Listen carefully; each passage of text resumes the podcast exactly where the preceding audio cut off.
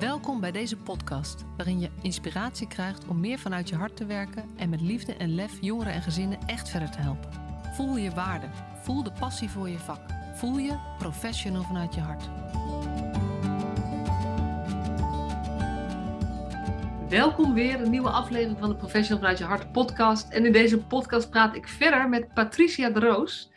Um, ik weet niet of je deel 1 geluisterd hebt. Daarin hebben we het vooral gehad over waar ze nu werkt. Dat is bij Volledig Pakket Thuis, uh, valt onder Triade Vitré. En daar is echt uh, alles erop gericht om uh, kinderen zo thuis mogelijk te laten opgroeien. Er zitten een aantal heel vernieuwende elementen in. Maar daar gaan we het vandaag dus niet heel veel meer over hebben, omdat we dat al hebben gedaan. En als je daar meer over wil weten, dan moet je lekker die podcast luisteren. Maar um, er is eigenlijk nog een thema waar ik heel graag met Patricia de diepte over in wil duiken. En dat is eigenlijk haar eigen professionele ontwikkeling. En um, dat, nou ja, ik had, ik, de titel van deze podcast, denk dat ik die al heb. Want zij zei heeft in, het vorige gesprek, zei ze op een gegeven moment, ik ga nooit meer iets doen waar ik niet achter sta.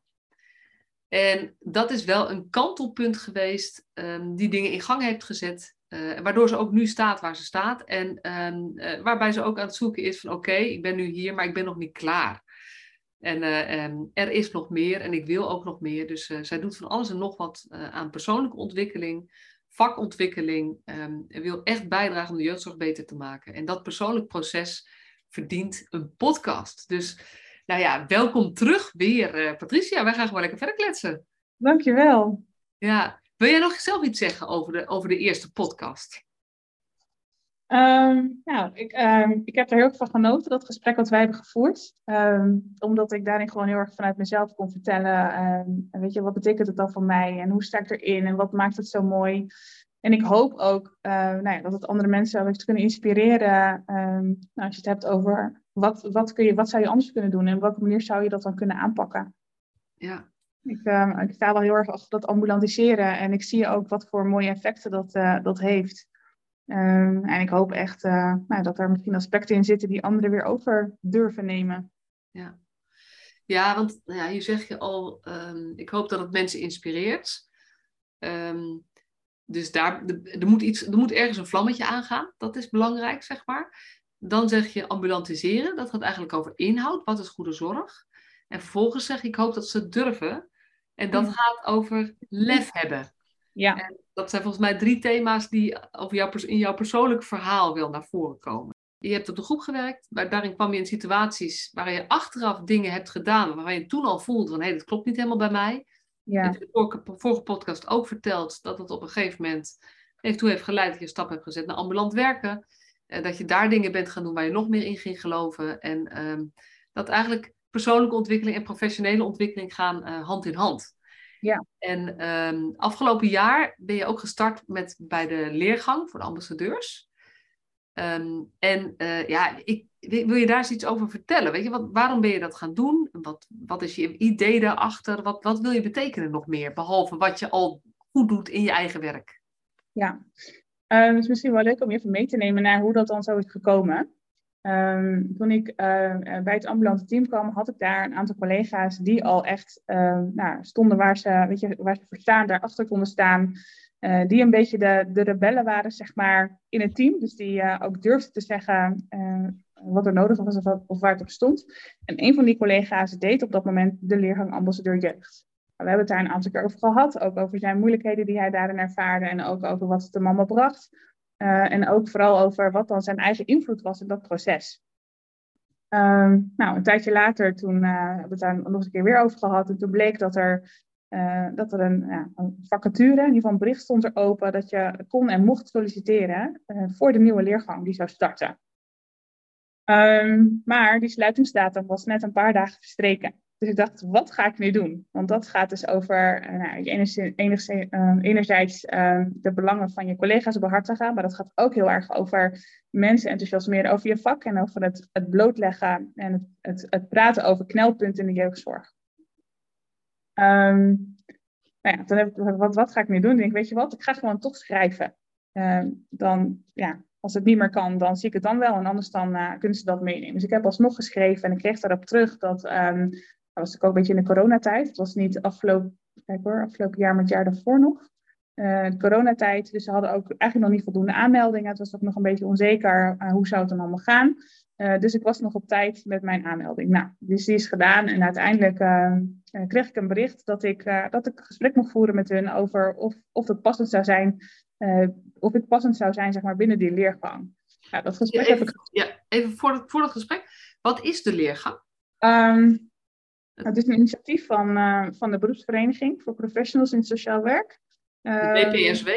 De BPSW, inderdaad. En daarin word je eigenlijk uh, meegenomen, uh, echt nou ja, van systematiek van het stelsel tot aan beleidsmedewerkers. echt, echt nou ja, enorm de verschillende beroepsverenigingen. waar je eigenlijk handvatten en tools aangeraakt krijgt om met die knelpunten naar buiten te treden. En om daarin wat te kunnen doen uh, nou, voor, voor, voor, wat jij belangrijk vindt. Ja. Of voor wat belangrijk is, ja. ja, ja. Um, en toen, werd, toen werd je uitgenodigd voor het gesprek? Ja, toen werd ik uitgenodigd voor het gesprek door twee beleidsmedewerkers van, uh, van de BPSW. En um, nou, dat was eigenlijk een heel leuk gesprek. En um, nou, ik kreeg niet heel lang daarna kreeg ik het bericht dat, uh, nou, dat ze dat wel zeggen dat, dat ik een, een go had, dat ik daarmee door mocht gaan. Dat ik, oh shit, ik heb wel een, soort van belangrijk punt overgeslagen, want ik had, nog, ik had geen, geen mandaat nog vanuit de organisatie om dat op dat moment te kunnen doen. En dat was op zich wel belangrijk, want je hebt het ook over bijvoorbeeld, uh, je hebt er wel een aantal uren daarmee bezig, het faciliteren van uren. Uh, er zit ook wel een bijdrage aan. Um, dus ik ben vervolgens naar mijn manager toegestapt en ik heb dat voorgelegd. Um, en ik kreeg er eigenlijk heel snel, heel kort en bondig een nee. Dus oké, wat ga ik dan nu doen? Uh, want dat helemaal voor jezelf is eigenlijk. Uh, je hebt wel echt steun nodig vanuit je organisatie om dat ook uiteindelijk te kunnen, uit te kunnen dragen en om dat te kunnen doen. Um, ja, dat, dat vond ik dus bij mijn manager van toen, toen het ambulante team, uh, vond ik dat niet. Um, waar ik de overwegingen ook wel op zich ook wel kon begrijpen. Um, want wat is dan het, het voordeel, zeg maar, voor, direct voor je eigen team? vervolgens ben ik natuurlijk overgestapt naar een andere functie. Ben ik bij Vleugel Pakket thuis gaan werken. Um, en eigenlijk kreeg ik daar hetzelfde antwoord. Dat ze ook niet zo goed wisten hoe we dat dan in moesten richten binnen de organisatie. En uh, nou, dat het vooral ja, onduidelijk was en lastig was. En dat ze eigenlijk niet op zoek waren naar een ambassadeur, maar naar een trajectregisseur. Um, dus op dat moment dacht ik van, weet je, misschien, misschien uh, moet ik me dan ook maar gewoon neerleggen bij dat dit niet gaat gebeuren. Um, vervolgens ben ik door gedragswetenschapper die toen aan ons team gekoppeld was, die heeft me toen benoemd van, weet je, maar dit is wel echt uh, wat jou past, wat, bij jou past. Uh, waarom maak je niet de stap naar het expertisecentrum? We hebben aan onze uh, organisatie een expertisecentrum. Het is heel erg over de inhoud. En als je het dus hebt over, over knelpunten eh, binnen de jeugdzorg, dat is op zich wel heel mooi passend. En daar heb ik over nagedacht. En ik had eigenlijk al benoemd bij de BPSW dat ik er dus van afzag, omdat ik dat mandaat niet kreeg vanuit de organisatie. Um, en heb ik wel uiteindelijk nog een, een, een, bericht gestuurd naar het hoofd van het expertisecentrum, met uitgelegd, daarin ook de samenwerking gezocht. Het is niet, ik doe het niet alleen voor mezelf, maar ik zou het heel mooi vinden als ik daarin ook wat kan betekenen voor de organisatie. Um, en daar kreeg ik uiteindelijk vrij snel een reactie op dat zij uh, akkoord gingen. Dus dat was even een hele grote omschakeling. En um, toen natuurlijk ook even kijken van, goh, is die plek er dan nog? Maar die plek was er nog. En toen dacht ik, nou, misschien had het dan ook wel gewoon zo moeten zijn allemaal. En betekent het dan, want je vertelt het gaat over mandaat, dus het gaat over, hey, uh, mag ik dan ook iets gaan zeggen en mag ik, mag ik iets gaan doen met wat ik, wat ik leer? Maar het gaat ook over uren en het gaat ook over uh, financiering. Dus betekent het ook dat het expertisecentrum dan een deel van jouw uren nu daarvoor, zeg maar, ja. gaat het zo ver, zeg maar? Ja, ja ik heb uh, mijn eigen contracturen binnen de functie die ik doe. En daarnaast een aantal uur, zeg maar, echt specifiek voor, uh, voor deze leergang en voor zometeen als deze leergang klaar is. Ja. Oké, dus zij hebben dus echt gezegd, wij, wij, vinden het een goed idee dat onze organisatie zo'n ambassadeur uh, heeft, zeg maar, want wij willen ook die uh, ontwikkelingen supporten vanuit het expertisecentrum. Dus daar maken wij gewoon mogelijkheden voor vrij. Dat is eigenlijk ja. zo gegaan. Ja. ja. En dan ben ik benieuwd, vond de, de manager waar je toen onder val, vond hij het toen viel, valt, nog steeds, viel, weet ik niet. Vond hij het toen meteen prima? Of was het nou, toen nog steeds een beetje spannend? Het was nog steeds een beetje spannend. En ik heb daar zelf ook toen gewoon iets niet heel handig in gedaan. Want ehm, ik heb hem destijds niet direct genoemd dat ik de stap zou maken naar het expertisecentrum. Uh, waardoor er ook wel wat wrijving ontstond die ik ook echt wel goed kon begrijpen. maar dat is uiteindelijk is dat, is dat goed gekomen. En ehm, kan ik ook echt wel ehm, een goede scheiding maken zeg maar, tussen wanneer ik echt bezig ben in mijn eigen functie. en wanneer ik bezig ben voor het ambassadeurschap. Dus het raakt elkaar niet in het werk. Oké, ja. Dus eigenlijk deze uren die wij hier met elkaar hebben, het vorige uur was van uh, je eigen functie en dit, dit, uur is van het ambassadeurschap. Zo, zo gaat dat dan een beetje, zeg maar. Ja, ja weet je, het is een beetje zelf invullen. Weet je, uh, ik heb met hun een compromis gesloten, zo van, weet je, een aantal uur vanuit de organisatie. En ik pak daarin ook gewoon een aantal uur voor mezelf, omdat ik gewoon, weet je, ik doe dit niet per se voor de organisatie, ik doe dit omdat ik dat zelf belangrijk vind en zelf heel graag wil doen. Dus dat daarin ook eigen tijdsinvestering zit, dat is dan natuurlijk vrij logisch en ook echt helemaal prima. Ik vind het wel heel mooi ook hoe je het proces vertelt. Want wat ik eigenlijk twee keer terug hoor, is dat je, dan volg je je hart en je enthousiasme, maar dan vergeet je even de omgeving mee te nemen. Dus dan ben je eigenlijk te snel of zo, of je kan zeggen, je bent niet strategisch, of je kan allerlei zware, problematische woorden, maar eigenlijk dan is het enthousiasme, alleen enthousiasme ehm, levert niet altijd het gewenste resultaat op. Je hebt meer nodig dan alleen enthousiasme. Ja, ja zeker. Want dat is, eh, ja, dat is natuurlijk onderdeel van ook hey, groeien als professional. Gaat onder andere hierover volgens mij. Ja, het in verbinding blijven met elkaar. En daar dus inderdaad soms in enthousiasme, uh, nou ja, die verbinding soms wel eens kwijt ben. Ja, ja. Niet, niet bewust omdat ik dat zo wil, maar wel om over na te denken voor een volgende keer. Ja, ja. ja en dat is, nou, in de vorige podcast kwam ook het, thema vertragen naar voren. Dat is natuurlijk hetzelfde. Dat, weet je, ik, ik hou heel erg van die enthousiasme-energie. En voordat je dan tot actie overgaat, is het gewoon verstandig en, en helpend om even te denken: oké, eh, maar welke acties horen erbij als ik dit wil volgen? En dan, nou ja, dan kan je anderen meer meenemen en in verbinding blijven. Dat is wel heel mooi. Ja. Hey, dus dat is die, die leergang, hoe je daar bent gekomen. En, en daar ben je vorig jaar gestart? Nee, in januari zijn we gestart. Oh ja, ah, bijna een jaar geleden, joh. Ja. ja. Ja, en, en kan je eens iets vertellen, want het is geen promopraatje voor de leergang. Het gaat eigenlijk gewoon echt, het is heel leuk want je bent er erg enthousiast over, dus dat is tof. Maar het gaat ook over wat, wat doet het met je? Wat brengt het je? En, en hoe ontwikkel je je dan als professional? Wat gebeurt er allemaal? Ja, ehm, toen wij uh, in januari starten, dus ik eerst een beetje kennis maken en wie ben jij en waar sta je voor? Um, en daarvoor moesten we een burning issue aandragen. En eigenlijk is dat gewoon een, een thema, een onderwerp, um, die je meedraagt, zeg maar, gedurende de leergang. Dus uh, daar waar je die tools aangereikt, aangereikt krijgt om straks mee verder te gaan, heb je dan dus je burning issue om dat mee te oefenen. Uh, zoals onze, onze begeleider of onze, de beleidsmedewerker zegt, je bent niet getrouwd met je burning issue, maar het is wel heel fijn uh, dat je hem met je mee kan nemen, zodat je nou, kan oefenen met hetgene wat je aangereikt krijgt. Um, dus ik moest dat op papier gaan zetten voor die eerste keer, niet wetende wat ons te wachten stond. En ik dacht echt, oh help, waar heb ik mezelf ingestort? Waar gaan we naartoe? Ik had geen idee. Um, en eigenlijk is dat, uh, nou, de, eerste keer was dus kennismaken. Ik had corona die dag. Dat was echt heel vervelend. Dus ik was als enige helaas online. De rest was allemaal live daar. Um, maar uiteindelijk is het echt een hartstikke fijne bijeenkomst geweest. Het was leuk om met elkaar kennis te maken. En um, ja, zijn we echt, echt gestart. Um, en ehm, wat, en, ja, de vraag die ik natuurlijk meteen heb is, wat is er op papier gekomen over jou? Van je, wat is jouw burning issue? Ja. Mijn burning issue die sluit, denk ik heel mooi, tenminste denk ik, die sluit heel mooi aan bij het werken wat ik doe. Mijn burning issue is zo thuis mogelijk. Ja. Dus echt dat ambulanceringstuk. Ik heb dat, uh, weet je, dat is waar ik veel mee werk, waar ik veel mee bezig ben. Dat we aan het ontwikkelen zijn, dus dat is ook een mooi onderwerp uh, die ik nu mee kan nemen uh, in de leergang. Ja.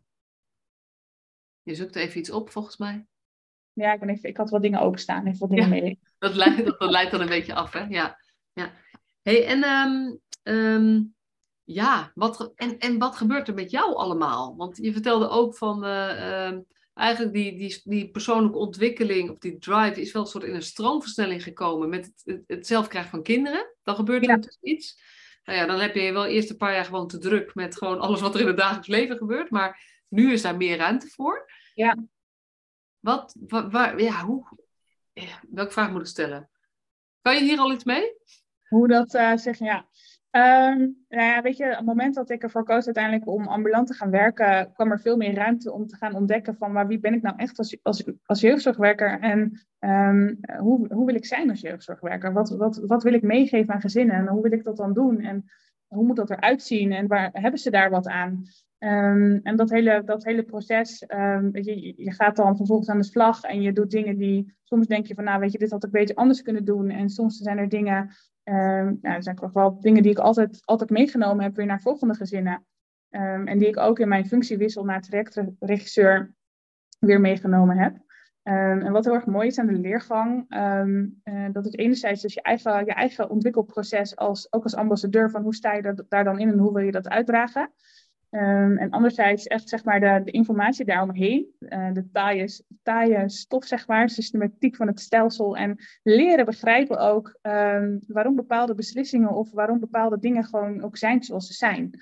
Um, en daardoor dus ook uh, niet alleen zeg maar vanuit mijn gevoel uh, kunnen redeneren waarom ik iets vind, maar ook kunnen duiden waarom dat soms op een andere manier is. Of waarom je tegen beren aanloopt waarvan je zelf denkt, weet je, dat hoeft toch helemaal geen beer te zijn, maar die vanuit uh, het perspectief van een ander, vanuit een andere functie, uh, juist heel logisch zijn. Uh, dus ik heb dat ook wel echt heel erg mooi mee kunnen nemen, ook weer in mijn eigen functie, in mijn eigen ontwikkeling op de werkvloer, los van, de, van, van het ambassadeurschap. Um, en ik merk dat zo dat allemaal wel met elkaar verweven is geweest het afgelopen jaar. Ja. Um, we hebben, zeg maar, als je die leergang doet, dan heb je een coach ook. Mijn coach uh, is Arno Lelyveld van Jeugdbescherming Gelderland. Um, in de vorige podcast of deze podcast heb je het ook over gehad van, uh, uh, ik heb gezegd ik doe nooit meer iets waar ik niet achter sta.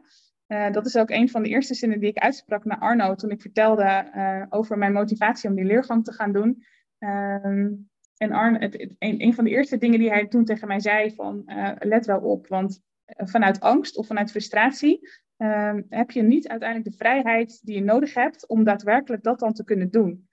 Um, en hij heeft daar wel echt hele mooie, hele rake uitspraken gedaan die me aan het denken hebben gezet. En die ook echt wel ervoor hebben gezorgd dat ik, uh, ja, dat ik op een andere manier ben gaan kijken naar, uh, nou, weet je, naar het werk wat ik doe en hoe ik daar dan in sta.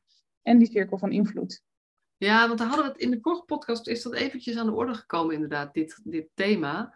Ja. Dat eh, de eerste keer dat je roept, uh, ik ga nooit meer doen waar ik niet achter sta, is meer vanuit een nee. Ja. En dat is vanuit angst, frustratie, whatever, zeg maar. Ja. Maar dan is hij eigenlijk voor niemand helpend. Nee. Nee, dat was ook echt wel, weet je, na, na echt wel heftige jaren dan uh, op die crisisgroep. Want um, ja, weet je, ik heb daar hele mooie dingen meegemaakt, maar ook echt hele nare dingen. Um, merkte ik ook dat ik daarin nog een stukje af te ronden had. Mezelf uh, weet je, af te hechten had van wat ik daar meegemaakt had um, en hoe ik er daarin stond. Om vervolgens echt zeg maar vanuit dat, dat vrije gevoel verder te kunnen in waar ik nu sta. Ja, want, want dat, dat, um, je zei ook uh, dat je op een bepaalde manier raak je ook beschadigd. Doordat je, ja. beschadigd is een groot woord hè, maar laten we het toch maar even zo gebruiken. Door, nou, doordat je in een situatie zit waarvan op een gegeven moment klopt het niet meer met wie je bent of zo. En dat, dat, dan gebeurt er wel iets. Ja, ik heb wel eens een beetje gekscherend misschien gezegd, uh, ik ben opgegroeid en opgevoed binnen deze organisatie. Ik loop echt al zo lang mee binnen deze organisatie. Uh, weet je, in eerste instantie kom je daar vanuit nou ja, heel, nul ervaring en um, bouw je ook op de, de, kennis en ervaring met de collega's met wie je werkt. Maar uiteindelijk, als je dan op dat, datzelfde kennisniveau komt en verder doorgroeit, dan kom je op een punt dat je ook echt kan gaan ontdekken van, maar wie ben ik dan en wat vind ik daar dan eigenlijk van? Dat is ook waarom ik vorige keer zei van nou, nu voel ik me professional vanuit mijn hart. Maar dat heeft echt moeten groeien. Als ik tien jaar geleden uh, op hetzelfde, in dezelfde functie met misschien ook die leergang had gestaan, uh, dan had ik er nu heel anders in gezeten dan hoe ik er nu in sta. Ja. ja. En heeft dat te maken met uh, gewoon ouder worden, zeg maar? En dan, ja, dat is ook dubbel, maar gewoon qua leeftijd ouder worden. Heeft dat te maken met moeder worden? Heeft dat te maken met zeg maar, nou ja, eigen patronen die we allemaal meekrijgen vanuit onze jeugd, zeg maar, daar meer, um, dat meer af kunnen ronden of zo, zodat je um, uh, losser van je eigen, hoe je het ooit geleerd hebt, ook wat dat betreft vrijer kunt zijn?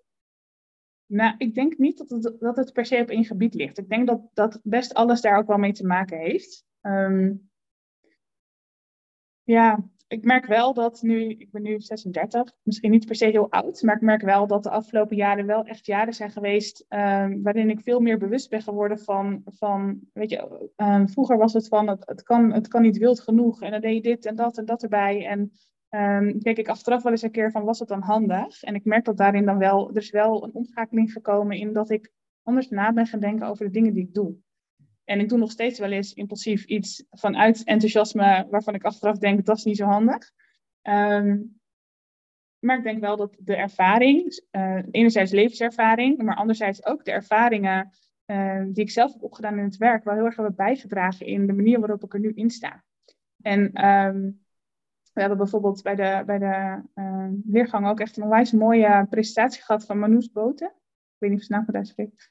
Um, en daarin ook wel van, weet je, je hebt ervaringsdeskundigen als in van mensen die dat zelf hebben meegemaakt en die vanuit dat perspectief um, ja, een hele mooie bijdrage kunnen hebben. Um, maar de mensen binnen de organisatie, of zeg maar als je kijkt naar je eigen, uh, ja, je eigen ontwikkeling, ben je ook op een bepaalde manier natuurlijk een ervaringsdeskundige. Wat je ook weer in kan zetten en mee kan nemen met nieuwe collega's, maar ook in, uh, weet je, ik ga nu heel anders om met complexe vraagstukken als dat ik dat vroeger zou hebben gedaan. Ja, en toch is het, um, ja, het is levenservaring. En toch is het ook niet zo dat iedereen deze ontwikkeling ingaat. Nee, nee, nee. En ik denk dat ik daar misschien wel voor mezelf, zeg maar, als ik daar een antwoord op moet geven. Um, ik heb me echt heel lang een beetje een soort van vreemde eend in de bijt gevoeld. Zeg ik dat goed? Um, het idee gehad, zeg maar, van, maar ben ik dan, ben ik dan de enige die zo denkt? Uh, hoe kan het dan dat ik dit vind, maar dat, dat de rest van mijn collega's daar anders in staat? Ligt dat dan, ligt het aan mij? Ligt het ergens? Ik had daar geen antwoord op. En um, naarmate ik zeg maar um, meer mensen leerde kennen, dat was met name toen ik van de groep afging en dus ook meer collega's uh, ambulant overal tegenkwam, um, uh, en uiteindelijk met de leergang, dus alle contacten die ik opdeed, nou, we hebben elkaar ook leren kennen op de, op de Inspiratieweek afgelopen juni uit mijn hoofd. Uh, blijkt dus dat er gewoon veel meer mensen zijn uh, die dat gedachtegoed hebben en die die visie hebben. En dat als je um, weet zeg maar, dat je daar niet alleen in staat en dan voelt dat het gezamenlijk gedragen is, dan wordt het ook makkelijker uh, of toegankelijker om daarin meer te onderzoeken voor jezelf. Van, wat, wat vind ik dan en hoe wil ik dat dan doen? Ja, het wordt, natuurlijk, het wordt makkelijker. En dan nog is het wel iets waar je zelf voor kiest op een bepaalde manier. Ja, ja zeker. Om dit aan te gaan of zo. Want je, weet je, um, het is heel leuk dat je nu zegt van ik, ik uh, heel leuk, ja, het is sowieso heel leuk, maar uh, dat je kiest voor uh, ja, die ambulantisering en natuurlijk en dat. Maar het is toch um, um, om daar op een gegeven moment echt voor te gaan staan dat, ja, dat is moeilijker dan gewoon meedraaien in de maalstroom. Ja. Dus je, je, kiest niet de makkelijke weg. Nee, zeker niet. Nee, ik ben mezelf, mezelf daarin ook echt wel vaak tegengekomen. En ook wel de organisatie. Dat ik dacht van, nou, we staan hier toch met dezelfde zorgvisie. En dat dat eigenlijk helemaal niet overeenkwam met wat dan uiteindelijk uh, de boodschap was, bijvoorbeeld vanuit de organisatie. En, en hoe denk je dat dat dan komt? Nou ja, weet je, als je het, ik denk dat daarin best meespeelt ook die verschillende belangen, verschillende perspectieven. Um, daar waar het bestuur, die heeft natuurlijk een heel ander belang en een heel, weet je, uiteindelijk zijn we er allemaal voor de cliënten, maar de manier waarop we daarin onze functie bekleden binnen de organisatie is wel echt heel anders. En daar waar, waar, me, waar mijn manager zich druk maakt over financiën, denk ik alleen maar, ja, maar dit is nu nodig, we gaan het gewoon doen. En daarin, um, soms vind je elkaar daarin. En soms um, nou, loop je daarin tegen een muur. En moet je dus gaan kijken van, maar hoe gaan we het dan doen? En betekent, zie je, het dan als, zie je het dan als dat mensen verschillende drijfveren ook hebben? Of is het veel meer dat je vanuit verschillende rollen en een verschillende taak je met iets anders bezighoudt? Of, of is het fundamenteler dat je een andere visie op zorg hebt? Of een andere visie op Nee, nee, dat denk ik niet. Want weet je, helemaal als je bij zo'n grote organisatie gaat werken, je kent de visie en de missie van de organisatie. Dus in principe nou ja, zou je dus moeten zeggen dat als je ergens zou gaan werken, dat je ook kan staan achter de visie en de missie die worden uitgedragen. Maar de manier waarop dat dan ingevuld wordt, um, ja, die, is wel anders. En helemaal als je te maken hebt met, nou weet je, is natuurlijk overal nu hoog verloop en dan bijvoorbeeld um, interim collega's ja, daar zie je wel, dat je, sommigen die, die durven ook met die frisse blik en die frisse wind te kijken en, en met lef zeg maar uh, mee te werken aan, aan de veranderingen die zijn. En anderen vinden dat spannender. En dat is denk ik op de werkvloer net zo. Um, ik heb heel lang het idee gehad dat ik vooral een hele vervelende werknemer was, omdat ik, omdat ik niet altijd ja en amen zei tegen hetgene wat er gebeurde. En als je zeg maar zo'n zo'n belemmerende, vanuit zo'n belemmerende overtuiging uh, wil werken vanuit je hart, ja, dan, dan denk je wel drie keer na voordat je ehm, iets doet of iets zegt. Ja. En ehm, ik merk bij mezelf, zeg maar, helemaal dan de afgelopen nou ja, twee, drie jaar, dat, dat voor mij die drempel steeds lager wordt. Dat ik het, weet je, um, als ik iets doe, dan doe ik dat niet vanuit onredelijkheid of um, uh, iets doordrammen of noem maar op. Maar dan doe ik dat omdat ik ervoor sta en omdat ik graag in verbinding wil kijken met elkaar van, maar weet je, hier lopen we nu tegenaan. Ik hoor dat je zegt dat het niet kan, maar wat kan er dan wel? Dus niet meer gewoon ervan uitgaan um, uh, dat je een nee krijgt en dat het dus niet kan. En dat, dat heb ik eerder wel gehad. Dat je, ja, weet je, dat, dat copingmechanisme van laat maar. en daar deed ik mezelf niet, uh, niet ik, ik, kwam daardoor zelf niet tot mijn recht. Maar de gezinnen met wie ik werkte al helemaal niet. Nee. En dat is echt misschien ook wel zo'n besefmoment geweest. Uh, ja, dat ik wel ook meer bij mezelf ben gaan kijken, wat kan ik daar dan mee doen? En hoe ga, hoe ga ik dat dan aanpakken? En dat is niet een makkelijke weg geweest. Nee, het is wel, wel grappig, want ik, ik zit natuurlijk naar te luisteren en dan denk ik, goh, hoe denk ik daarover? Wat heb ik daarover gezegd ooit? Of wat heb ik opgeschreven? En dan hoor ik jou die laatste zin zeggen en, en, en zo ervaar ik het zelf, of zo hoor ik het heel vaak terug, dat op het moment dat je uh, als professional eigenlijk weer meer in verbinding komt met wat je, waarom je ook weer eigenlijk in dit werk was gaan werken, namelijk om de gezinnen te helpen, dan kom je eigenlijk meer bij je hart uit, nou, dat noem ik dan even de liefde dat geeft je ook meer lef of meer persoonlijk leiderschap om op momenten dat, dat, dat die gezinnen geen recht gedaan wordt, om dan, ja, sommige mensen zeggen je bekken open te trekken, of gewoon te zeggen um, waarom je daar zo in gelooft, waarom het, waarom het zo belangrijk is om het toch te regelen. Ja, ja absoluut. en daar heb je dan denk ik helemaal als je binnen zo'n grote organisatie werkt, een stukje verdragen, maar ook een stukje vertragen. Dat enerzijds heb je soms gewoon kaders en is het zoals het is. Uh, maar mag je ook gewoon wel voor jezelf blijven, niet alleen voor je eigen ontwikkeling vertragen, maar ook voor het gezin waarmee je werkt. Um, er wordt zoveel gestuurd ook op, productie draaien en noem maar op, dat, dat je, soms heb je ook gewoon zo'n op, opgejaagd gevoel van, nou weet je, we hebben nog maar drie maanden en die beschikking gaat niet verlengd worden en hoe gaan we dan in die drie maanden zoveel mogelijk doen? Terwijl um, dat niet hetgeen is wat het gezin op dat moment nodig heeft. En dat is met de organisatie hetzelfde. Weet je, um, op het moment dat er van alles speelt en er moet snel iets veranderen, want anders dan gebeurt dit of dit, dan, um, uh, dan ga je voor zo'n quick fix. En dat is met gezinnen niet goed. Maar ik denk ook in zo'n grote organisatie dat het echt heel belangrijk is dat je wel even weer stil kan gaan staan en even kan kijken van waar staan we nu dan en waar willen we eigenlijk naartoe. En wat is er ook voor nodig om die stapjes te maken? Want niet iedereen kan mee met zo'n hele grote sprong. Nee, nee en, dan, en dan kom je ook op. Uh Ehm, dat zei je in de vorige podcast over dat bijvoorbeeld mensen die de ICT eh, doen, dat eigenlijk zouden die ook de verbinding ja, moeten voelen. Dat helpt als ze ook de verbinding voelen met, hé, maar waarom zijn we eigenlijk aan het doen wat we aan het doen zijn met z'n allen? En waarom hebben we eigenlijk deze uh, dingen nodig? En als dat voor hen ook logischer wordt van, hé, maar wat wij, wat wij doen, natuurlijk moeten we verantwoording afleggen over, uh, zeg maar, richting gemeente of whatever. Maar uiteindelijk gaat het over dat we die gezinnen beter willen helpen. Want daarom werken we bij een jeugdzorgorganisatie. Ja, ja. ja weet je, um, vanuit, uh, nou, we hebben natuurlijk ook vanuit uh, aantrekkelijke organisaties meegedaan met het thema werkplezier. Uh, waarin er best wel. Dat weet ik wel, maar dat weet niet iedereen. Hè? Dus wil je er iets over zeggen?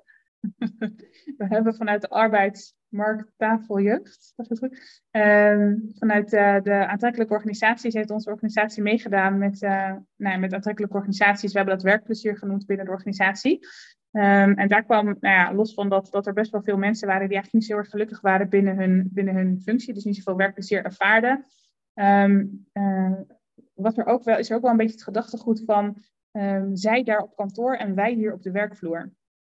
En um, daar zijn verschillende dingen over gezegd, verschillende dingen over geschreven.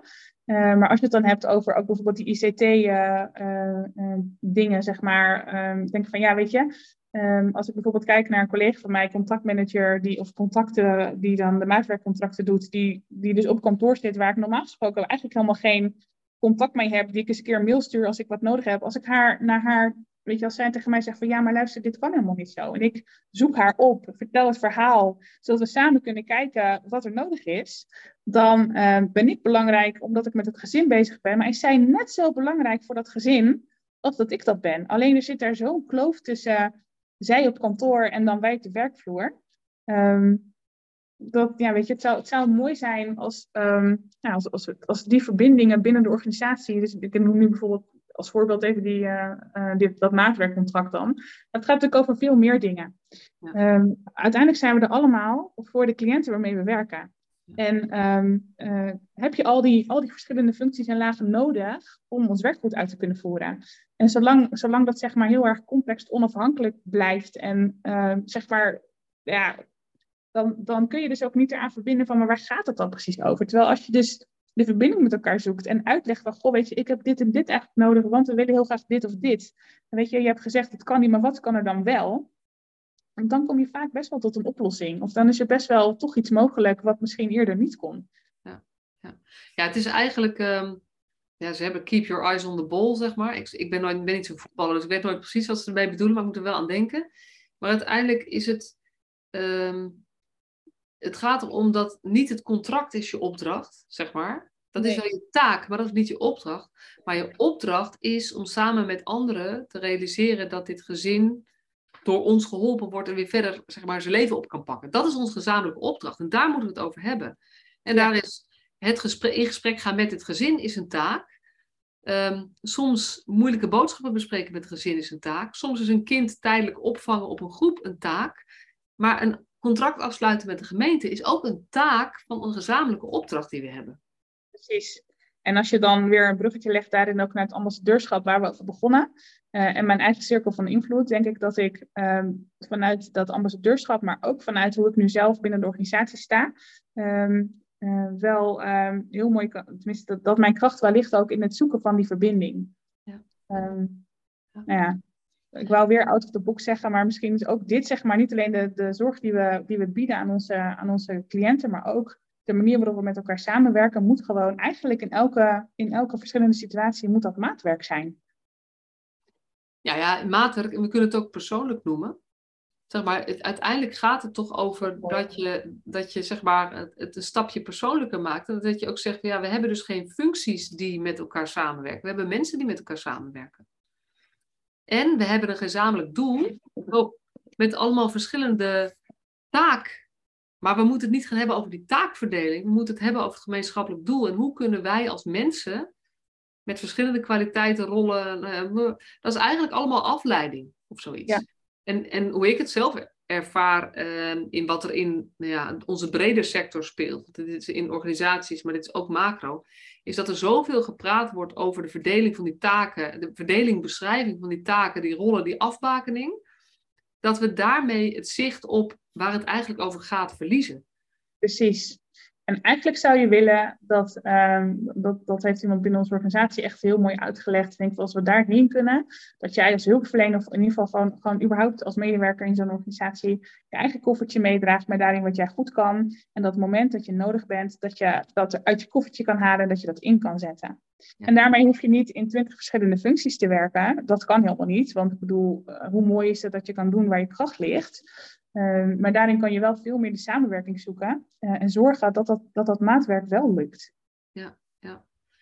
ja, en ik hoor je ook een heel aantal keer het woord verbinding noemen, zeg maar. Oh, ja. Het wordt gewoon gemakkelijker als je iets zoekt in die verbinding. Dus dat gaat ook een beetje over, ben je zaakgeoriënteerd of mensgeoriënteerd? Ja. Uh, dit gaat over, kies je ervoor om de mens voorrang te geven op de regel? Dit gaat over kies je voor contact voor contract. Nou, dan zit je midden in mijn missie natuurlijk met dit soort uh, uitspraken allemaal. Ja. Ik, ik herken wel, ik, ik, heb dat wel eens eerder gedeeld in een podcast, ik weet niet of jij dat weet, dat ik bij Entree Lindenhout, dat is een, een, grote opdrachtgever voor mij, waar ik veel mee samenwerk. Opdracht, ik, ik zit ook te denken over, is het mijn opdrachtgever of is het mijn samenwerkingspartner? Ik, het is eigenlijk een samenwerkingspartner. En ehm, bij, bij die organisatie hebben we ervoor gekozen om de stafdiensten dus um, nou, er zitten dus contractmanagers bij, er zit mhm. facilitair beheer bij, er zitten de cliëntadministratie uh, en zo bij. Um, uh, dat die ook een training professional vanuit hun hart volgden. Vanuit, en waar ook inhoud gewoon centraal staat, waarbij ik eigenlijk hetzelfde zei als nu. Weet je, wij organiseren alles zo in aparte segmentjes, maar we vergeten daarmee dat we met een gezamenlijke opdracht bezig zijn. En als we die meer leidend laten zijn, worden heel veel dingen in het dagelijkse um, gedoe gemakkelijker. Dan zijn het opeens geen obstakels meer. Dan is het, maar dan, dan wordt het ineens bedenken, hé, hey, maar dit is eigenlijk staat in de weg, hoe kunnen we het oplossen? Dan kom je veel meer in, die, in die mogelijkheden modus terecht. Ja. ja. Mooi. Hey, en je zei uh, mijn cirkel van invloed. Daar gebeurt wel iets mee als jij zeg maar zelf verandert. Want wat, wat, die wordt volgens mij groter. Ja, die wordt een stuk groter. Ja. En dat is enerzijds heel mooi. Dat vraagt ook weer echt een hoop uh, zelfreflectie en uh, vooral ook heel goed passen op eigen grenzen. Dat is wel een dingetje dat, uh, nou, dat soms wel eens lastig. Ik denk dat veel hulpverleners daar mee te maken hebben. Um, maar het is wel ook echt een heel mooi avontuur om te ontdekken van hoe kan ik dat dan gebruiken? En hoe heb ik, niet alleen zelf, hoe heb ik daar niet alleen zelf profijt van, maar hoe kan ik daar dan ook mijn collega's in meenemen? Ja, en hoe doe je dat dan? En, en daar zit een deel onbewust en een deel bewust in? Ja, nou ja, ik denk uh, vooral ook, tenminste vooral, wat ik probeer is daarin ook wel um, te inspireren door een voorbeeld, een voorbeeld te zijn, zeg maar, voor een ander. Um, ik probeer, weet je, ik ken best wel veel mensen binnen de, deze organisatie. Ik werk er al heel lang. Dus ik probeer ook wel, waar kan, elkaar te consulteren ook en beroep te doen op, op kennis en expertise. Ja. Um, ja. ja, ik denk echt dat dat oprecht dat dat nog, weet je, mensen terug in hun kracht zetten. Dat je, je bent niet alleen maar voor afgebakend dat kleine stukje um, waarvoor je op contact zeg maar, bent aangenomen, maar je bent veel meer dan dat. Ja. Ja, en als je dat gaat ontdekken, dat stuk, dan ligt eigenlijk gewoon de wereld aan je voeten. Dan is het echt van hoe ver wil je daar dan in gaan en wat wil je daar dan precies mee doen? Ja, ja en het is grappig, want je zegt ik wil beroep doen op kennis en expertise, maar wat ik je hoor, denk te horen zeggen, is dat je eigenlijk uh, mensen ziet los van hun taak. En kennis en expertise is daar een onderdeel van, maar het gaat verder dan beroep doen op kennis en expertise. Ja, absoluut. Ja, dat is zeker zo. Dus het gaat eigenlijk over, weet je, ik wil gewoon met jou samen optrekken. Want samen kunnen, zeg maar, dan krijg je 1 plus 1 is 3. Als jij doet waar jij goed in bent en ik doe waar ik goed in ben. Ja. En we doen dat samen omdat we weten waar, waar we naartoe op weg zijn. En we weten niet hoe, maar we, ja, we gaan in ieder geval die kant op.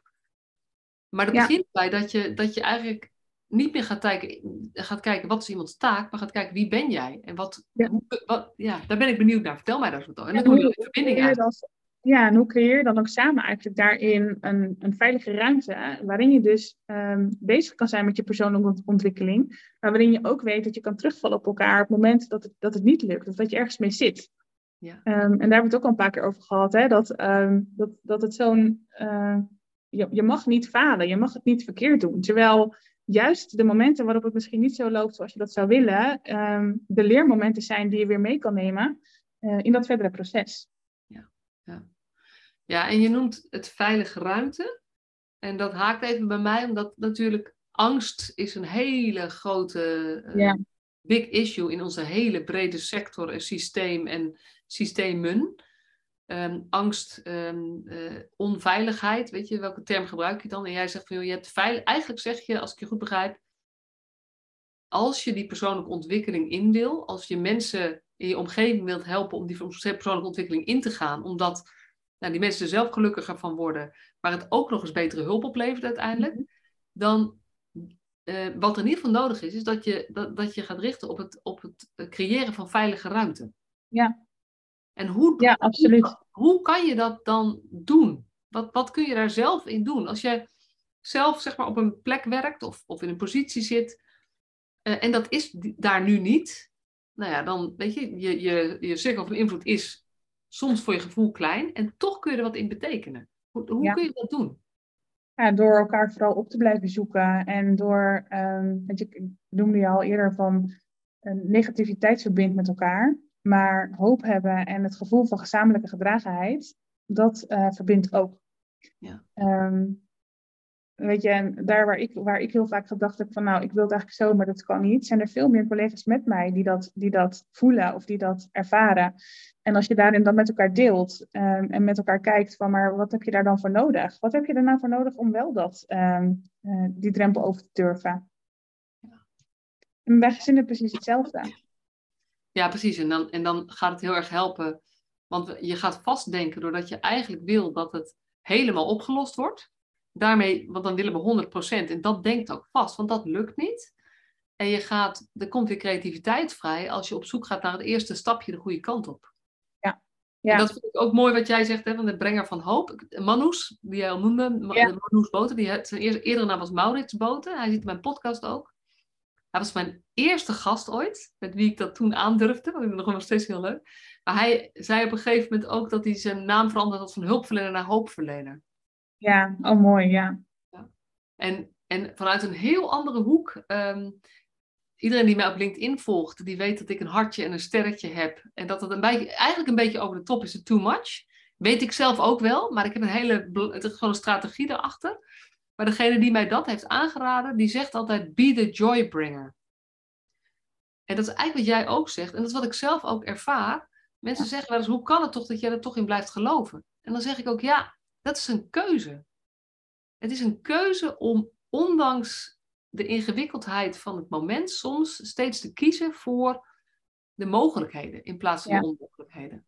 Precies, en het, het, is wat mij betreft ook niet het een of het ander. Je hoeft niet helemaal uit de negativiteit of uit de angst, wil je uh, wel kunnen groeien en um, nou ja, vanuit lef en liefde dat durven doen. Um, dus weet je, ook daarin even stilstaan en even erkennen bij, uh, even stilstaan zeg maar en erkennen dat, dat het soms ook is zoals het is en dat het gewoon nou ja, niet altijd heel positief is, geeft ook weer ruimte um, om verder te kijken naar van wat, wat wil je dan wel. Nou sterker, sterker nog, het is, uh, ik ben helemaal niet alleen maar positief. Want als je alleen maar zegt, ja, gewoon, je moet gewoon positief denken, de kracht van positief denken, komt het goed dan ben je ook iets aan het onderdrukken, wat uiteindelijk zeg maar, zich tegen jezelf keert. Dus die, die negativiteit ehm, of de, uh, gewoon de, het verdriet of de angst die je voelt, moet ook ruimte krijgen. Daar moet je ruimte aan geven.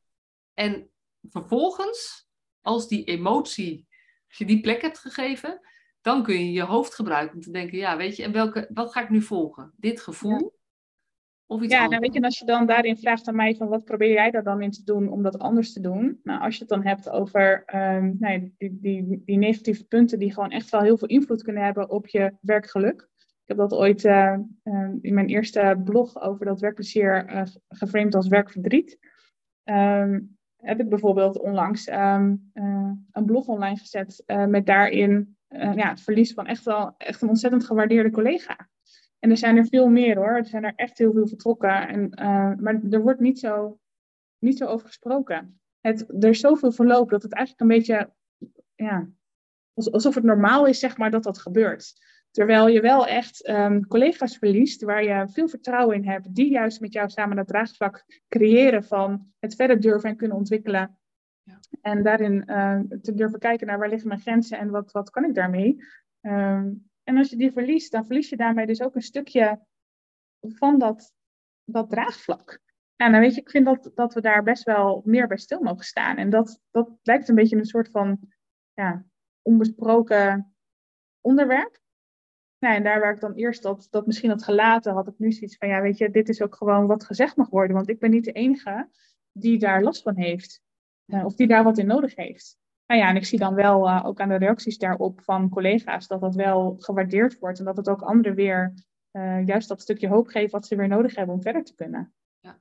ja, en de kunst is dan, er is een verschil tussen in de, weet je, werkverdriet of eigenlijk erkennen, dit is gewoon ook ontzettend vervelend, stom, verdrietig, dat, dat soort dingen, dat moet er zijn, maar, maar het kantelpunt zit in gaat dat vervolgens leiden tot een soort aanklagerschap of slachtofferschap? Ja, zie je wel, het wordt ook nooit meer wat. Uh, dat, dat, daar moet je jezelf. Dat is ook ja. het leiderschap, weet je? Ja, erkenning voor werkverdriet. Ik vind het heel mooi, want jouw eerste blog herinner ik me ook goed. Mhm. Dat jij schreef: werkgeluk is prachtig, maar daar kunnen we pas naartoe als we ook erkennen dat we ook werkverdriet hebben. Ja, nou weet je, als je daarin de, de, boodschap krijgt van jongens, we weten, we weten dat dit een situatie, weet je, het, het is gewoon even heel rot en het, dat is ook wat het is. Dan kun je vanuit daar ook weer verder met elkaar. Maar als je dan vanuit, weet je, er is zoveel verloop, kom schouders eronder en we gaan, dan ga je vanuit een heel ander startpunt weer verder, waarin niet die ruimte is. Nee. nee, en dan gaat het over ook het erkennen en herkennen van emoties die er zijn bij mensen. Precies. En ja. alles wat, wat, wat er niet mag zijn, bepaalt natuurlijk uiteindelijk. Dus dit is ook, uh, zeg maar, natuurlijk, als er iets gebeurt, soms moet je even op kracht door. En dat is prima voor eventjes. Ja. Maar de situatie waar we nu in zitten, in jullie organisatie, maar in heel veel organisaties en eigenlijk in sector breed. Um, als we dit op kracht door moeten laten gaan, alleen maar op kracht, dat, dat, dat is niet te doen. Er is gewoon te veel aan de hand. En daar moeten we ook gewoon eerlijk over zijn. Het is gewoon heftig. De, zowel in, in, in alle groot overstijgende problemen, maar ook gewoon op de werkvloer. Klopt. En nogmaals, weet je, daar gaat het er niet om dat, uh, dat je uh, versterkt wordt in je gevoel van, van negativiteit of van zie je wel, het is allemaal niet goed. Het gaat erom dat we met elkaar zeg maar, zeggen van jongens, weet je, um, er zijn veel dingen niet oké geweest. Dit ligt er nu. Maar hoe gaan we ervoor zorgen dat we weer die stijgende lijn gaan, gaan krijgen en gaan opzoeken? En ook durven opzoeken met elkaar. Ja. Met elkaar. En ik maak hem dan altijd één stapje concreter nog. Want, want iedereen is het ermee eens met hoe gaan we ervoor zorgen? En eigenlijk is mijn vraag altijd, en wat ga jij dan doen? Dat jij er ook een bijdrage aan levert. Want je hebt zo'n cartoon of zo. En dan is de eerste vraag is, uh, er staat er iemand, staat een of andere spreker uh, en dan een hele menigte ervoor. En de eerste vraag is iets van, uh, wie vindt het ook stom zoals het nu gaat? Nou, iedereen die steekt zijn hand op. En dan is het volgende, um, wie vindt dat het opgelost moet worden? Nou, en dan zeg maar, is het de helft van de menigte. En dan op een gegeven moment, en wie wil er, wil er bijdragen aan de oplossing? En dan steekt niemand meer zijn hand op. Omdat we vinden, het moet wel opgelost worden. Terwijl ik denk, de slag die we moeten maken, en waarom ik het zo mooi vind zoals jij ook vertelt, is dat jij op een gegeven moment vanuit dat besef van, hé, hey, zoals het nu gaat, past niet bij mij. Nou, dan kan je ook in een soort van, ja, dit moet beter worden. Dat jij op een gegeven moment gezegd hebt, ja, maar als het beter moet worden, dan moet ik dus iets gaan doen, zodat het een klein beetje beter wordt in het klein. En dat is het persoonlijk leiderschap in mijn beleving. Ja, en dat is, soms is dat heel fijn en soms is dat ook wel zoeken naar hoe wil ik dat dan zelf doen en hoe voelt dat dan goed voor jezelf. Ja. Ja, weet je, en, en eh, daar zit natuurlijk mijn eigen, dit is mijn, mijn eigen proces ook. Dat, dat het gekke is dat als je dit dus gaat doen, ehm, ik ben ook ooit begonnen met voor het eerst voorzichtig iets uitspreken. En iedere, each level has its own devil, zeg maar. Dus iedere keer kom je voor een nieuwe vraag. Het is natuurlijk de, een van de afgelopen podcasts. Voor mij was het nu de afgelopen podcast, maar als deze online komt, is al even geleden. Heb ik natuurlijk verteld dat de missie verbreed wordt. Dat ik begonnen ben met jeugdhulp en dat ik nu zeg jeugd tussen haakjes, zorg, onderwijs en sociaal domein. En dat ik dan tegelijkertijd alles in mij ook denk, ja maar help, weet je, dat, dat kan toch niet? En wie ben ik nou helemaal? En daar ga ik helemaal niet over.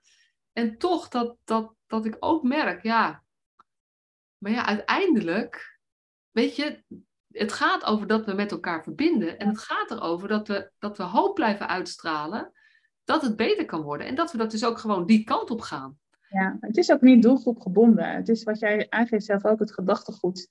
De manier waarop mensen erin staan. Dat is, dat is wat het verschil kan maken uiteindelijk ja, ja. En dat kan, je, dat kan je gewoon in je eentje niet volhouden. Dus moet je ook gewoon lekker samen uh, volhouden. En uh, misschien is het een mooi bruggetje om ook te vertellen, uh, nog eventjes, ik deel dat niet zo heel vaak in de podcast, omdat ik natuurlijk een community gestart ben vanuit deze gedachte. Ja. Professional vanuit je hart community. En jij bent daar onlangs lid van geworden? Ja. Wil je er eens iets, iets over zeggen, hoe dat is? Of, ehm, Ja, ja, ik had wel vaker daarvan gehoord. Uh, maar eigenlijk het moment dat wij elkaar ook ontmoet hebben toen bij de Inspiratieweek. Ehm, en ik daar ook een aantal mensen ontmoet heb, zeg maar, die al uh, bij die community zaten. Um, het, het, voelde zo als gewoon het, um, hetzelfde. Mensen die hetzelfde willen, met dezelfde missie, zeg maar. Althans wel ieder zijn eigen, op zijn eigen manier, zeg maar, dat uit wil dragen. Maar wel iets in gezamenlijkheid. En ik heb wel gemerkt sinds dat ik ben aangesloten bij de community en dus ook uh, wat, nou, wat vaker mensen daarvan spreek, um, um, dat het gevoel van, van eenzaamheid, dus van ben ik dan de enige die op die manier erover denkt, dat dat eigenlijk een beetje weggeëpt is. En dat, dat gebeurt ook echt wel in mijn omgeving, zeg maar, met collega's die ik nu uh, tref, zeg maar, om me heen, die, die dat ook anders willen doen. Um, maar ik heb er wel heel veel aan gehad. En weet je, dit, zijn wel, dit is wel ook een groep mensen die graag verder denkt dan uh, wat er niet kan. Dus die, die verder wil denken over, maar wat kan er dan wel? En die, die uh, even vanuit een frisse blik ook tips en adviezen kunnen geven over, um, over bepaalde situaties of over bepaalde onderwerpen. Of uh, die mee kunnen denken van waar kan je nu terecht? Of weet je, ik heb wel eens iets gehad buiten mijn eigen regio waar ik een vraag over had. Ik had binnen een half uur een antwoord uh, met daarin tips van dit zou je kunnen doen en dit. Ja, ik vind dat echt fantastisch. Die samenwerking met elkaar en dat mee kunnen en durven denken. Um, eigenlijk allemaal vanuit dezelfde missie. ik word daar heel blij van. Ja, ja. Ja en ik vind, het, ik vind het zelf ook heel tof. En ik vind het ook nog steeds spannend om te delen in de podcast. Omdat ik denk, wat is het nou helemaal? En tegelijkertijd denk ik, ehm, als we echt willen dat de jeugdzorg, het hele sociaal domein, onze hele zorg, uh, het onderwijs meer nou ja, de kant op gaat waar wij in geloven in ieder geval, dan hebben we, eh, dan hebben we gewoon iets te doen met elkaar. En ja. Ehm, ja. dan is het heel leuk dat Professional vanuit je hart, dat ik ooit die term bedacht, dat het boek heb geschreven en er inmiddels een hele podcastserie is. Maar dat is niet het einde, dat is ook niet het belangrijkste. En eigenlijk gebeurt daar het ook niet. Het gebeurt gewoon in de praktijk. Ja. Dus hoe tof is het dat we gewoon mensen, met mensen uit allerlei hoeken, vanuit allerlei rollen, allerlei posities, samen dezelfde kant op willen. En ja. Ehm, nou ja, dat is ook hoe ik er. Nou ja, ik vind het zo bijzonder ook om te zien dat er een raadslid zit, dat er een groepswerker zit, dat er iemand zit, um, uh, zeg maar, een trajectregisseur. Uh, dat er mensen die zitten, die zijn zelfstandigen. Er zit een leerplichtambtenaar bij. Van, die kom je elkaar, BMO-consulenten. Je komt, en ook nog eens uit allerlei verschillende regio's. Ja. En nou ja, dat is. Ja, weet je, ik, ik weet niet zo goed hoe groot ik mag, hoe, hoe groot dat is. Maar, maar ik geloof wel dat dit een stroom is die, uh, kan, die kan uh, ondersteunen. Uh, dat we echt de, ja, gewoon meer liefdevolle en gelijkwaardige zorg, onderwijs, sociaal domein kunnen realiseren. Ja. En, ja, heel erg tof gewoon. Ja, ja zeker weten. Ja. Ja, ja, ja, en onze ambities zijn groot. Hè? We zijn nu ongeveer 50 geleden, maar we willen wel naar de, nou ja, in ieder geval is maar naar 200 en dan naar de 1000 en dan misschien wel naar de 10.000 toe. Want stel je eens voor dat we allemaal met die gelijkgestemden dit geluid gaan aan het verspreiden zijn. Wat we eigenlijk al doen, maar dan meer in gezamenlijkheid. Dat is wel echt. Ja, uh, ja. ja we hebben ze. Ik ben ervan overtuigd dat ze er gewoon zijn. Nou, ik ook, ik ook. En dat heb ik jou nog niet eens verteld. Maar van de week is er ook iemand die heeft dus gewoon, ja, die heeft podcast geluisterd, die had me ergens anders gehoord, die heeft contact gezocht, die zegt, joh, kan ik aansluiten? En dat kan dus ook gewoon. Dus er is een website, je kan het niet zo makkelijk vinden op mijn site, wordt daar gewerkt, maar het is www.professionalvanuitjehart.nl slash community. Eigenlijk alleen maar als je super blij wordt van dit gesprek, als je dit niks vond, moet je vooral niet gaan kijken, want dan, dan is het niks voor jou. Want dit is wel een beetje de toon die we hebben. Ja, er is veel aan de hand, maar waar we het over hebben met elkaar is en wat kun je zelf doen om een klein beetje het klein bij te dragen hoe het beter wordt. Uh, en uh, laten we samen optrekken, want dan kunnen we onze impact gewoon groter uh, maken. Ja. hey, het laatste woord van deze podcast is voor jou. Um, is er nog iets waarvan je zegt, ja, dit, dit vind ik gewoon een mooie uitsmijter? Of dit wil ik meegeven aan de mensen die hier naar uh, geluisterd hebben? Um, ja, wat altijd voor mij wel een mooie quote is geweest, en dat was eigenlijk al van voordat ik in de hulpverlening ging werken zelf, maar het meervoud van lef is leven. En um, dat is natuurlijk eigenlijk waar het allemaal uiteindelijk om draait. Dat, uh, Weet je, dat de, de, de, mensen met wie we werken, de kinderen met wie we werken, dat die gezond kunnen opgroeien. Dat we ervoor zorgen dat alles goed geborgd wordt. Dat, dat die hulp toegankelijk is. Um, dat we te maken hebben met uh, fijne hulpverleners die aan kunnen sluiten bij wat er nodig is. En um, nou, ik zou het heel mooi vinden als je bij jezelf kijkt van hoe kan ik daarin een, een stapje maken voor mezelf in, de goede, in, in, die richting. Om ervoor te zorgen dat we het met z'n allen uh, op een andere manier kunnen doen. Ja, dankjewel. Jij ook bedankt.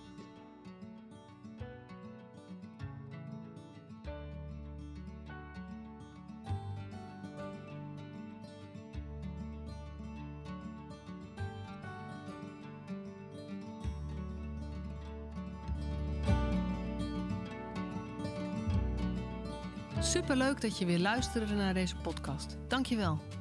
Nog even kort een paar belangrijke dingen.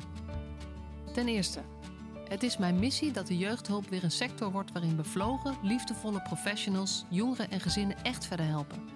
Daarom maak ik deze podcast voor jou. Wil jij deel uitmaken van deze beweging van Professional vanuit je hart, waarin professionals elkaar steeds opnieuw inspireren? Begin dan met het lezen van mijn boek. Je kunt de eerste hoofdstukken helemaal gratis lezen. Ga naar professionalvanuitjehart.nl/slash boek. Ten tweede, wil je alle podcastafleveringen overzichtelijk onder elkaar? Abonneer je dan op deze podcast. Klik in je podcast-app op de button subscribe of abonneren. En elke keer als er een nieuwe podcastaflevering gepubliceerd wordt, ontvang je automatisch een berichtje. Ten derde, Ondersteun je mijn missie? Geef me dan een review via je podcast-app, bijvoorbeeld iTunes of Spotify. Op die manier kan ik nog meer professionals bereiken. En ken je een collega voor wie deze podcast ook interessant is? Dan zou het super zijn als je hem of haar de podcastaflevering doorstuurt. Bijvoorbeeld door de link te kopiëren via Spotify. Ik vind het altijd heel leuk om berichtjes te ontvangen van luisteraars om te horen wat je van een podcast vindt, of als je misschien vragen of suggesties hebt. Of als een aflevering je een bepaald inzicht heeft gegeven of er iets in beweging is gekomen. Stuur me dan even een berichtje op masha.professionalvanuitjehart.nl via de website of stuur me een connectieverzoek op LinkedIn.